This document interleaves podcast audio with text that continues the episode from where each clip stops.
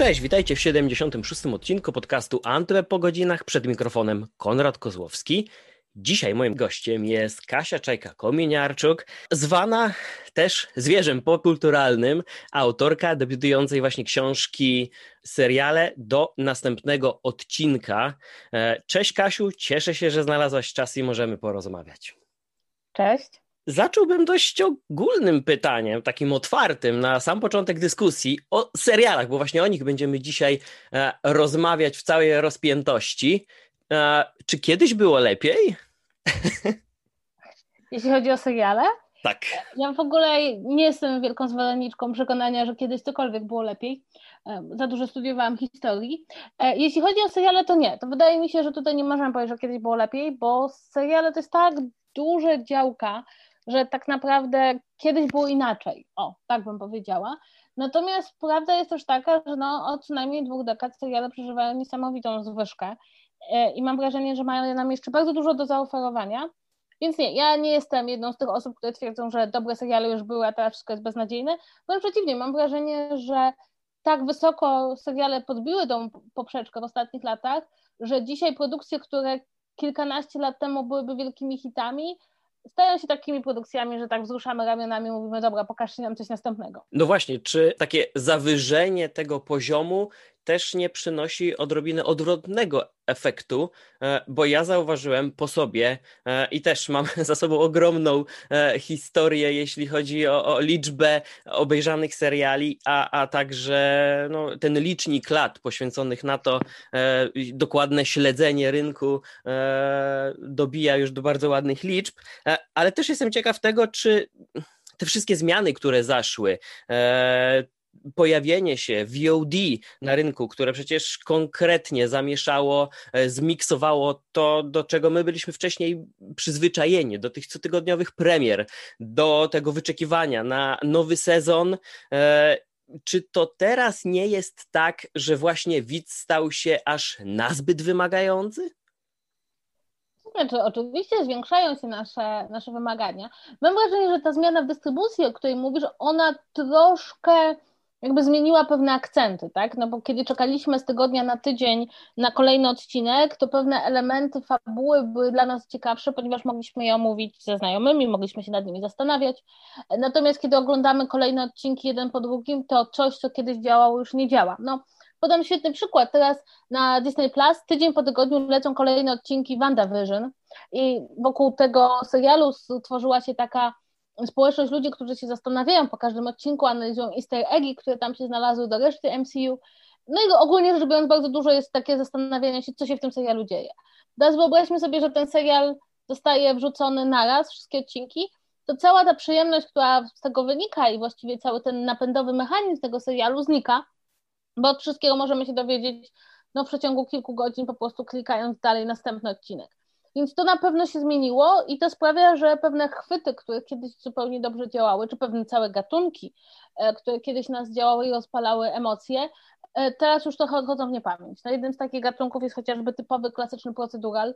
Przez całe dekady procedurale rządziły oglądalnością, a dzisiaj, kiedy patrzymy na platformy streamingowe, to okazuje się, że niekoniecznie działają, bo ten schemat powtarzalnych odcinków, w którym każdy odcinek ma taki sam schemat, no nie da się ukryć, nie działa tak dobrze, kiedy oglądamy więcej niż jeden odcinek na raz. A ja jestem ciekaw też tego, czy kiedykolwiek Netflix zdecyduje się na wprowadzenie e, tych cotygodniowych premier, bo oczywiście w przypadku, tak jak powiedziałaś, Disney Plus e, mamy te cotygodniowe debiuty nowych odcinków, e, Apple TV Plus stosuje dokładnie ten sam chwyt. E, dobrze wiemy, że jest to też umotywowane e, pobudkami finansowymi. To jest sposób na zatrzymanie widza na nieco dłużej ale tak jak powiedziałaś, zmienia to te akcenty, zmienia balans y, przy produkcji seriali.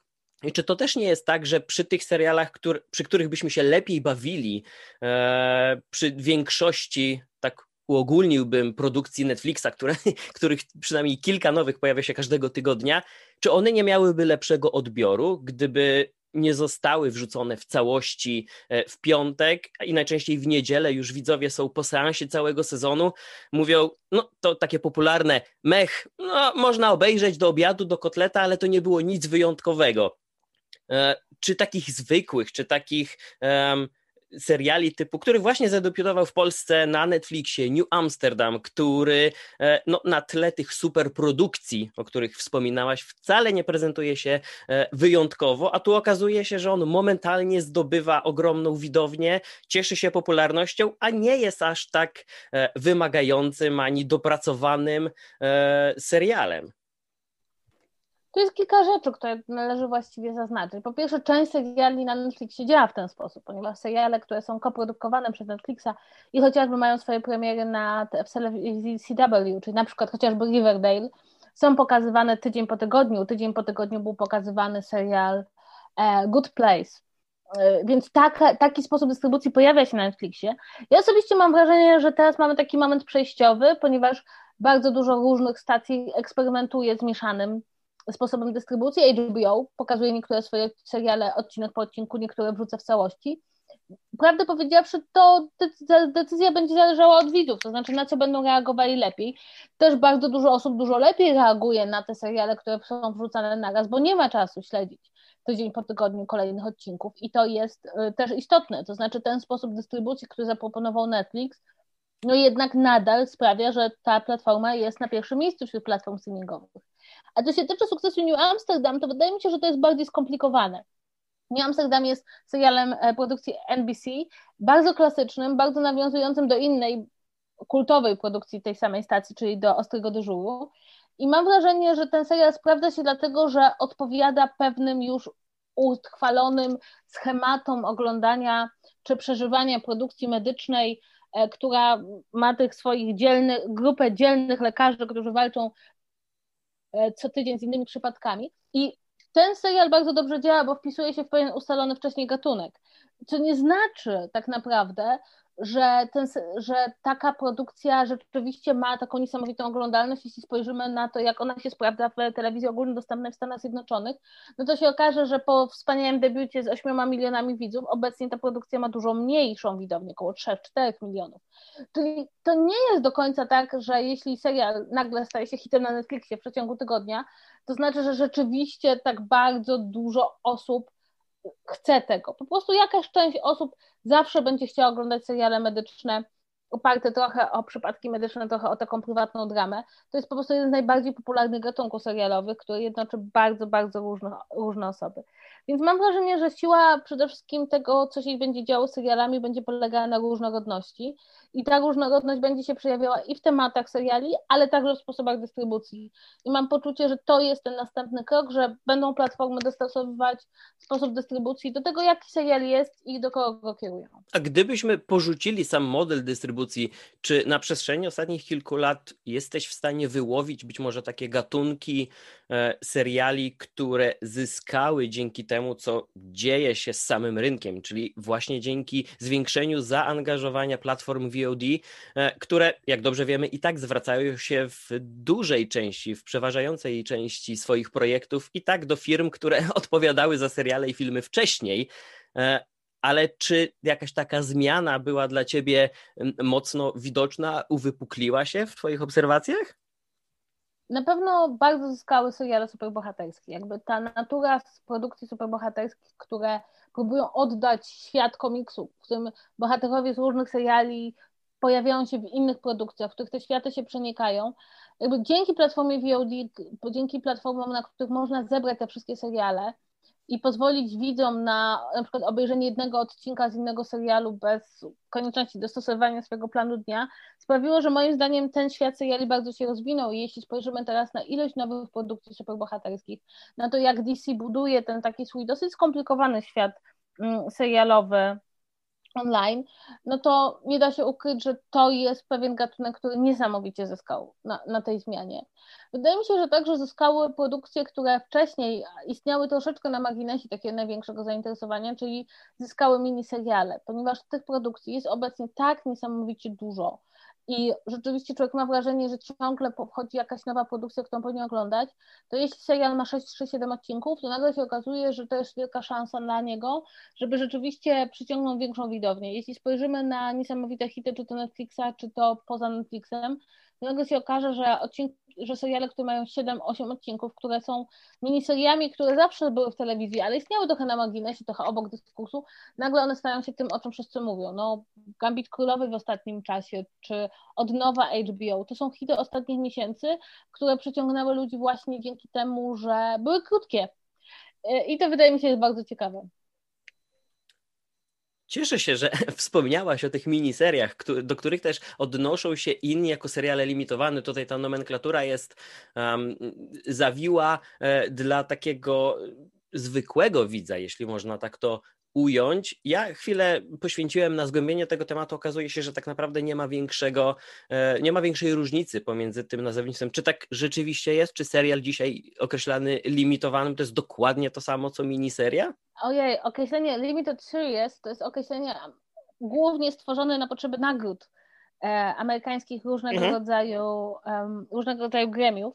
Ponieważ to jest tak, że za miniserię tak ogólnie uznajemy serial, który ma ograniczoną ilość odcinków. Czyli innymi słowy, no Gambit Królowej, tak? Mamy historię rozłożoną na odcinki, ale ona się zamyka w całość. Limited Series bywa problematyczny, jeśli chodzi o, um, o tą, o definicję. Zwykle okazuje się, że trafiają tam seriale, które po prostu mają mało odcinków, które potencjalnie są jednosezonowe, ale nie jest to konieczne. Bardzo często zdarza się, że na przykład do tej kategorii Limited Series na nagrodach amerykańskich trafiają seriale brytyjskie, które mają zdecydowanie mniej odcinków niż seriale amerykańskie. I ogólnie takim największym rozróżnieniem byłoby tutaj, że pełna seria serialowa e, byłaby traktowana jako 22 albo ewentualnie 13-14 odcinków, czyli cały sezon typowy serialowy albo pół. Natomiast Limited Series byłoby to wszystko poniżej. Ale prawda jest taka, że od czasu, kiedy Netflix zmienił swoją politykę odnośnie sezonu serialu i przeszedł z 13 odcinków na 10, od czasu, kiedy bardzo dużo brytyjskich seriali e, zaczęło przechodzi do, na rynek amerykański, a dla Amerykanów fakt, że brytyjski serial może mieć w sezonie trzy odcinki jest, mhm. jest pouczający, e, to ja bym jednak mimo wszystko starała się e, to wyróżnienie traktować w ten sposób, że kiedy mówimy o miniserii, to mówimy o serialu, który ma początek i koniec w ramach jednego sezonu, kilku, kilku odcinków. Natomiast Limited Series może być pojęciem szerszym i zależy to po prostu od E, tego, jak kwalifikują różne gremia do swojej nagrody, bo to jest bardzo skomplikowany mechanizm. Ale nadal poruszamy się przy takich liczbach odcinków, tak jak wspomniałeś, 3, 6, 10, 13. Obydwoje doskonale pamiętamy czasy, gdy no, śledziliśmy losy bohaterów na przestrzeni od 20 do 25 odcinków i nie, ma, i nie ma tutaj mowy tylko i wyłącznie o sitcomach. To, to nie były tylko te produkcje, których od odcinki e, liczyły te 20 czy 25 minut. E, e, tutaj oczywiście można by wymienić Zagubionych czy Skazanego na śmierć. Dobrze wiemy, że te historie na pewnym etapie były już tak rozciągnięte, że widzom zaczęło to troszeczkę przeszkadzać, ale z drugiej strony mieli szansę dłużej obcować z tymi bohaterami, śledzić ich losy i tutaj znów wspomnę o tym, że co tydzień mieli szansę e, podyskutować o nowych odcinkach. E, przyznam się, że nie jestem do końca zwolennikiem takiej, takiego minimalistycznego podejścia. Wspomniałaś, że Netflix zredukował e, liczbę odcinków w sezonie do 10 z 13. Dotknęło to także właśnie typowego sitcomu. Mam za sobą seans mechaników w oryginale The Crew i tak naprawdę oglądanie sitcomu, który, którego odcinek ma te dwadzieścia kilka minut i zamknięcie historii w zaledwie dziesięciu epizodach jest dla mnie takim być może dziwnym zjawiskiem. I jestem bardzo ciekaw, jak ty się do tego odniesiesz, bo obydwoje chyba już mamy za sobą naprawdę, naprawdę mnóstwo produkcji i, i, i mnie to odrobinę, odrobinę zaczyna doskwierać. Takie minimalistyczne podejście, sądowanie rynku, e, czy, czy, czy na pewno e, dana produkcja e, złapie jakąś konkretną widownię, a dopiero później będziemy się martwić, czy, czy jakakolwiek kontynuacja powstanie, czy, czy nie. Tutaj warto zaznaczyć, że ta ilość odcinków wynika nie tylko z tego, że chodzi o to, żeby dostarczyć widzom co tydzień odcinka, ale także dlatego, że mm, jak funkcjonują tradycyjne seriale w tradycyjnej telewizji. To znaczy, tradycyjnej telewizji istnieje tak zwane zjawisko syndykacji, czyli serial leci powiedzmy na początku w jednej stacji, która go wyprodukowała i dla której to jest powiedzmy produkt flagowy, a potem koło setnego, a obecnie około 70 któregoś odcinka trafia do syndykacji, to znaczy, że zostaje sprzedany do mniejszych stacji telewizyjnych, które powtarzają go jako powtórki albo wypełniają nim ramówkę. I to jest jedna z tych rzeczy, która zawsze bardzo sprzyjała temu, żeby tych odcinków było więcej, bo jeśli odcinków serialu jest więcej, to może trafić do syndykacji zarobić więcej, czy stać się produkcją kultową, chociażby tak się stało w przypadku oryginalnego Star Treka. No Netflix tego, tej kwestii nie ma, nie musi się o to martwić, nie musi tych odcinków mieć jak najwięcej, nie musi mieć tego setnego odcinka, który kiedyś oznaczał, że serial naprawdę zacznie na siebie zarabiać, w związku z tym nie ma tej presji. Natomiast jest presja na to, że jeśli usiądziemy raz do serialu, to żebyśmy obejrzeli całość, e, albo żebyśmy obejrzeli to za dwoma posiedzeniami max, no i jakieś 10 odcinków to łatwiej nam podjąć tą decyzję niż jakieś 13 czy 22 bo to już jest większe wyzwanie. Natomiast rzeczywiście prawda jest taka, że niektóre gatunki serialowe bardzo źle znoszą to, co robi, e, to, co robi Netflix, albo inaczej, mogą to przyjąć dobrze, ale trzeba mieć na to pomysł. I rzeczywiście mechanicy są takim doskonałym, moim zdaniem, przykładem na to, że nie da się już w tym momencie przenieść takiego absolutnie najbardziej klasycznego sitcomu na ten mechanizm e, Netflixowy. Po prostu on nie zadziała. Żeby on, żeby, net, żeby sitcom sprawdził się na Netflixie, no to trzeba jednak tą jego narrację podporządkować temu, że tych odcinków jest mniej oraz także temu, że jednak to jest trochę co innego. No tutaj są takie sitcomy jak One Day at the Time czy The Ranch, które sobie z tym poradziły. Dla mnie mechanicy sobie z tym nie poradzili. Natomiast jeśli chodzi o małą ilość odcinków, to ja przyznam szczerze, że jako olbrzymia wielbicielka um, seriali brytyjskich, ja już od lat szkolę w tym, że odcinków jest zawsze za mało. E, natomiast, natomiast rzeczywiście rzecz, która umyka i która była na przykład siłą sitcomów, e, to fakt, że sitcomy przez to, że było dużo odcinków i one trwały kilka czy kilkanaście lat, towarzyszyły nam przez większe okresy życia, tak? To znaczy, żyliśmy razem z tymi bohaterami, dojrzewaliśmy z nimi, zmienialiśmy się, ich przeżycia i nasze życiowe przeżycia czasem się odbijały, oni kończyli szkoły, myśmy kończyli szkołę, oni zakładali rodzinę, myśmy zakładali rodziny. I w takim sposobie dystrybucji sitcom traci jakby to odbicie naszego realnego życia, co stanowiło zawsze pewien bardzo istotny element przywiązujący nas do takich narracji.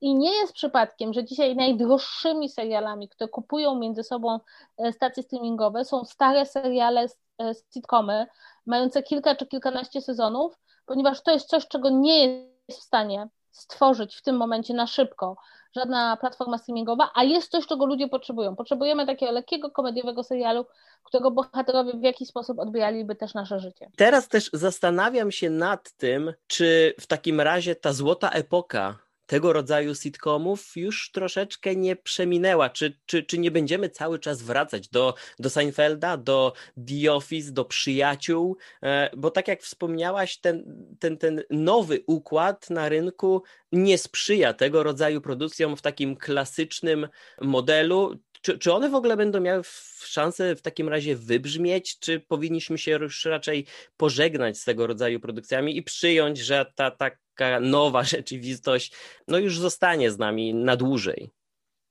Znaczy, wydaje mi się, że nie jesteśmy w stanie powiedzieć, czy nie pojawi się żaden sitcom, który podbije nasze serce, tak jak The Big Bang Theory. Na pewno należy zwrócić swoją uwagę w zupełnie inną stronę niż dotychczas, bo mam takie poczucie, że oczekujemy, że nam, dadzą nam to na przykład Netflix czy samo HBO. Moim zdaniem streaming nie jest w stanie stworzyć takiego serialu. Natomiast wciąż jeszcze istnieją telewizje ogólnodostępne i telewizje takie jak ABC, ABC, CBS. I ja bym, gdybym była prezesem jakiejś takiej telewizji, to ja bym stawiała właśnie na wyprodukowanie dużej liczby sitcomów, bo to jest miejsce, w którym one mogą się rozwijać i potem trafić na platformy. Oczywiście sitcom i w ogóle produkcje komediowe ewoluują. Wydaje mi się, że doskonałym przykładem takiej bardzo ciekawej ewolucji jest chociażby Good Place, czyli serial komediowy mający kilka sezonów, który jednak mimo wszystko poruszał trochę poważniejsze tematy, ale stanowił także bardzo dowcipne i takie półgodzinne e, spotkanie z bohaterami.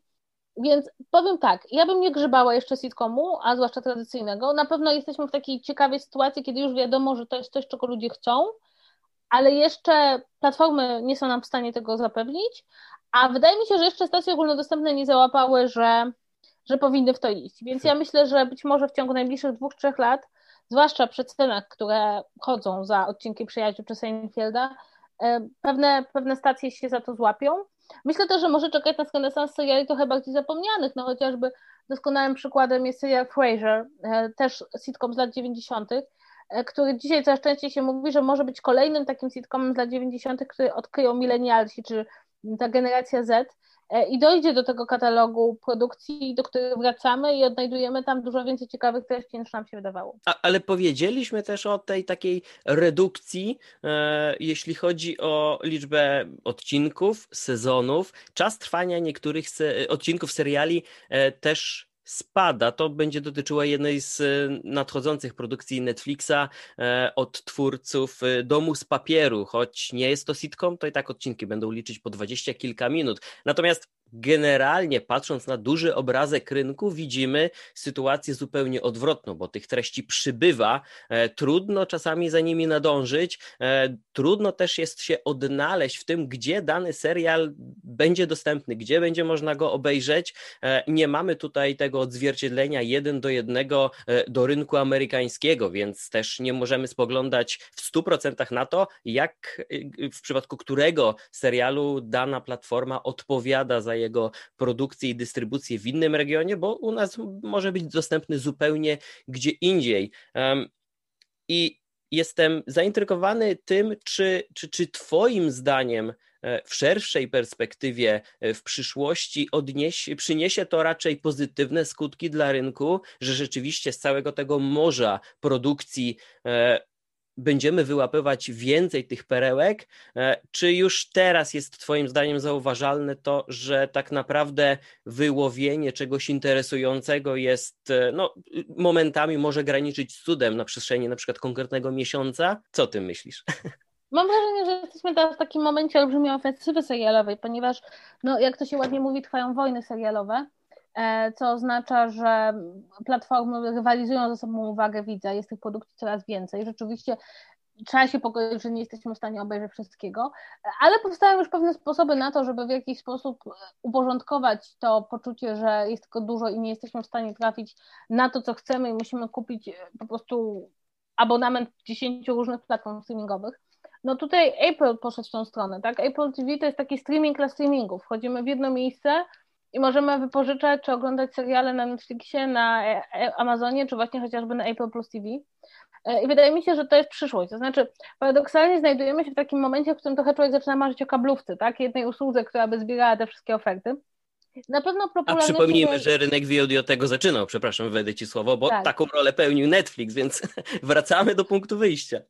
Tak, no na pewno, na pewno takie serwisy jak chociażby w Polsce Upflix, czyli takie, takie miejsce, które ci po prostu mówi, co, co w danym momencie jest i co gdzie jest, e, zaczynają zyskiwać na popularności. Ja myślę, że to jest moment przejściowy, to znaczy to jest taki moment, w którym się każdy bije o swój kawałek tortu, no ale w końcu ten tort zostanie podzielony, okaże się ile tych streamingów może wykupić jeden, jedno gospodarstwo domowe e, i kiedy nagle się okaże, że no nie jesteśmy mieć w stanie dostępu do wszystkiego, i to jest rzeczywiście taki moment, w którym bardzo dużo osób mówi, że na przykład te zjawiska, które zaczęły spadać e, wraz z rozwojem streamingu, chociażby jak piractwo internetowe czy ściąganie mm, seriali z nielegalnych serwerów, że to powróci, bo po prostu nikt nie jest w stanie e, tego wszystkiego objąć rozumem, a także portfelem. Ale ja to wszystko widzę jako stan przejściowy, to znaczy Myślę, że to jest taki problem, który się rozwiąże. Nie wiem jeszcze do końca jak, bo jakby tutaj nie jestem aż takim mózgiem, e, ale myślę, że w ciągu dwóch, trzech lat te pytania, które sobie zadajemy dzisiaj, jak to będzie wyglądać, zostaną rozwiązane i, i może się okaże, że na przykład dojdzie do konsolidacji tych platform i będziemy na przykład mieli tylko dwie czy trzy platformy i na nich będziemy po prostu mieli większe rzeczy. Trudno mi tak naprawdę e, tutaj optymistycznie na to spoglądać, bo przyznam się, że gdy śledziłem prezentację Paramount Plus, czyli serwisu, który e, lada moment w Stanach będzie dostępny, i który obiecuje nam nie tylko dostęp do klasyków, ale też swoje nowe produkcje oryginalne, a jednocześnie na takiej konferencji wspominają o hitach, które dana firma przygotowała dla wszystkich innych dookoła i, i po prostu posprzedawała licencję do dystrybucji, e, to wydaje mi się, że właśnie jesteśmy w takim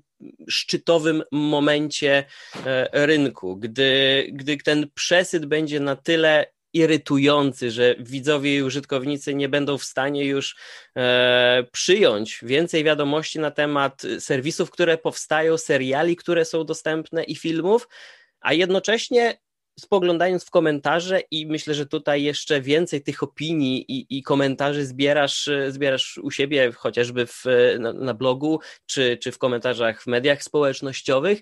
Mam wrażenie, że um, to zapotrzebowanie i ten głód na nowe produkcje gdzieś jednak wciąż jest na e, zupełnie e, tym samym poziomie i, i, i tak naprawdę ci widzowie dzisiaj nie wiedzą, czego chcą? Jak, jak, to, się, jak to wygląda w ogóle? Znaczy mam takie wrażenie, że też musimy sobie zdać sprawę, że grupa osób, które chcą obejrzeć wszystko jest bardzo wąska. I tak naprawdę wcześniej czy później dojdzie do pewnego osadzenia się tych rzeczy w konkret, wśród konkretnej widowni, która będzie zainteresowana takimi, a nie innymi produkcjami.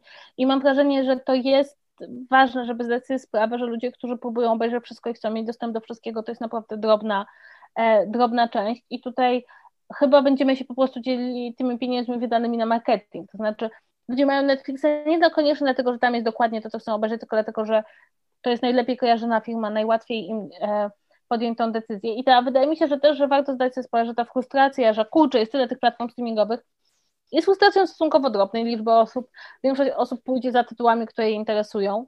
E, więc mam takie poczucie, że jakby warto zdać sobie sprawę, że nie wszyscy mają, nigdy nie było takiej potrzeby, żeby oglądać wszystko i nadal ta potrzeba jest wśród bardzo niewielkiej grupy osób, więc ja myślę, że te firmy chcą wziąć dla siebie to, co się da wziąć w tym momencie z rynku, a potem, a potem najwyżej się okaże, że będą się konsolidowały albo znikną, albo sprzedadzą swoje prawa do dystrybucji e, większym podmiotom, więc mam po prostu takie poczucie, że to jest przejściowy problem i też ten brak dostępności wszystkiego jest problemem stosunkowo niewielkiej grupy osób. Chciałbym też poruszyć e, jeden wątek odnośnie tego, jak dzisiaj te seriale powstają na, na bazie czego powstają. E, być może moje wrażenie jest nieco mylne, więc e, jeżeli tak jest, to poprosiłbym o poprawienie mnie. Natomiast na tyle, ile byłem w stanie zweryfikować tej, tych informacji, tak nawet z pobieżnego obserwowania dotychczas no nie wiem, na przestrzeni na przykład ostatniego roku czy dwóch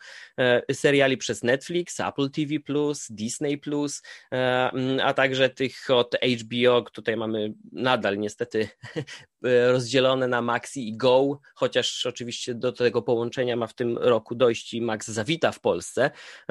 Natomiast mam coraz częściej wrażenie, że serial oparty na oryginalnym scenariuszu, na autorskim scenariuszu, no jest już rzadziej spotykaną produkcją. Teraz twórcy polegają na komiksach, książkach, nawet podcastach od kilku lat. E, czy myślisz, że to jest po części zabieg taki marketingowy, takie skorzystanie na tej popularności już istniejącego dzieła e, i zaoferowanie widzom kolejnej wersji tego, co znają? E, po części, jeśli na przykład dany tytuł był bardzo popularny, czy to wynika już trochę z niemocy scenarzystów, którzy mają za sobą te złote lata e, i no i teraz nie jest im wcale łatwo e, wpaść na coś zupełnie nowego że, że, i świeżego, żeby nam zaoferować. Powiem szczerze, że dla mnie to nie jest nic dziwnego, dlatego że jeśli spojrzymy na historię seriali, to jest, nich jest dużo więcej e, historii, które istotnie zostały oparte na jakichś wcześniejszych pomysłach mam też takie poczucie, że to jest logiczne, że w świecie, w którym tych produkcji jest tak wiele, będziemy sięgali po takie, które są bezpieczne po prostu, a bezpieczniejsza jest produkcja, która ma już jakąś grupę fanów, jakąś ustaloną grupę osób, która kojarzy bohaterów, czy chociażby jest ciekawa, co z nimi będzie. Jednocześnie co roku tworzy się 500 seriali obecnie i naprawdę bardzo wiele z nich jest oryginalnych e, i bardzo wiele z nich nie jest o coś opartych. Natomiast sam ten mechanizm, żeby wykorzystywać istniejące materiały, on istniał wcześniej e, w mniejszym lub większym stopniu. I ja jakby nie mam wrażenia, że to jest jakiś koniec złotego wieku scenarzystów, wręcz przeciwnie, mam wrażenie, że scenarzystom nigdy nie było tak dobrze, zwłaszcza showrunnerom, to są obecnie najlepiej opłacani ludzie w tej branży. E, więc ja, ja mam takie zawsze podejście, że ten mechanizm bardzo często wydaje nam się nowy, wydaje nam się takie, ojej, ta wszystko jest adaptacją wszystkiego, siedzą trochę w historii i kinematografii, i telewizji, można dostrzec, że niekoniecznie, że, że te mechanizmy występowały już wcześniej i są one po prostu bardzo mocno związane z takim e, czysto biznesowym sposobem oceny, co się opłaci, co się nie opłaci. No i zawsze bardziej opłacalne jest zainwestować w adaptację czegoś, co zyskało popularność, no chociażby dlatego, że jest już wcześniej ustalona grupa widzów, a, a poza tym dlatego, że można potem drugi raz zarobić na sprzedaży chociażby komiksu czy książki. Więc ja mam takie poczucie, że to nie jest nic nowego, zwłaszcza, że też powiedzmy sobie szczerze, to, że punktem wyjścia dla produkcji jest chociażby komiks, nie znaczy, że sama produkcja jest adaptacją komiksu czy książki, e, bo bardzo wiele jest twórczego wkładu um, scenarzystów. Więc ja podchodzę do tego na takiej zasadzie, nie jest to nic nowego, jest to jakaś moda, a też nie ukrywajmy, zainwestowanie w jakiś kompletnie, zupełnie nowy pomysł, którego nie było i który nie jest w żaden sposób przetworzeniem wcześniejszych motywów, wcale nie jest takie oczywiste, bo, bo tych pom dobrych pomysłów też wśród tych 500 cegieli rocznie wcale nie będzie tak strasznie dużo. No i też to, że coś jest inspirowane jakimś dziełem kultury, nie znaczy, że będzie mu tak wierne, że nie ma w tym absolutnie żadnego nowego podejścia czy pomysłu. Będziemy zbliżać się do końca tej rozmowy, a nie zahaczyliśmy tak naprawdę o dość istotny wątek, czyli oczywiście nasz lokalny polski rynek. E, I tu też tak na początek, na otwarcie dyskusji chciałem zapytać Cię o, o to, czy dostrzegasz takie negatywne lub optymistyczne trendy z ostatnich lat po tym, jak już e, nad Wisłą zagościły i zadomowiły się tak naprawdę platformy streamingowe. Netflix ma już w swoim dorobku lokalne produkcje, e, między innymi 1983 mamy w głębi lasu na podstawie książki Harlana Cobena. E, przed nami drugi sezon Roysta, co nieco odbieram jako taka próba skorzystania na właśnie jakimś istniejącym fanbase e, danej produkcji. Mam wrażenie, że w ogóle Netflix wykonał krok wstecz po tym debiucie 1983. E, z drugiej strony mamy HBO, które nabiera tempa, które coraz śmielej e, produkuje seriale i dystrybuuje, bo Ślepnąc od świateł było pierwszą, jak na razie jedyną polską produkcją, która jednego dnia pojawiła się na HBO Go w całości, będzie mo można było obejrzeć każdy z odcinków na przestrzeni weekendu i, i to okazało się bardzo skutecznym i trafionym e, pomysłem, bo dobrze pamiętamy, jak, jak dużo szumu powstało wokół tego wszystkiego.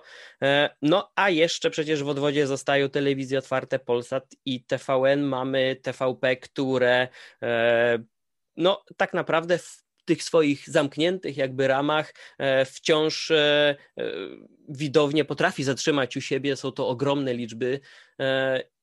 Czy dostrzegasz jakiekolwiek takie dobre zmiany na polskim rynku seriali? Znaczy, mi się wydaje, że zmienia się trochę nasza postawa. Wydaje mi się, że przez bardzo wiele lat była postawa, że polski serial to zły serial. Coraz częściej mam takie poczucie, że wcale tak nie myślimy i wcale tego nie chcemy i że ta oferta robi się coraz szersza. Na pewno mamy coraz więcej polskich seriali jakościowych produkowanych przez Kanal Plus czy przez HBO i one e, tworzą taką nadzieję na to, że jakby mamy o czym opowiadać. Jednocześnie no, nie ukrywajmy, że Netflix prawdopodobnie lepszą decyzję finansową robi zamiast produkować nowy serial, który oczywiście spotka się z olbrzymią krytyką, ponieważ w Polsce jeśli coś nie jest idealne, a jest polskie, to zawsze nam to strasznie przeszkadza.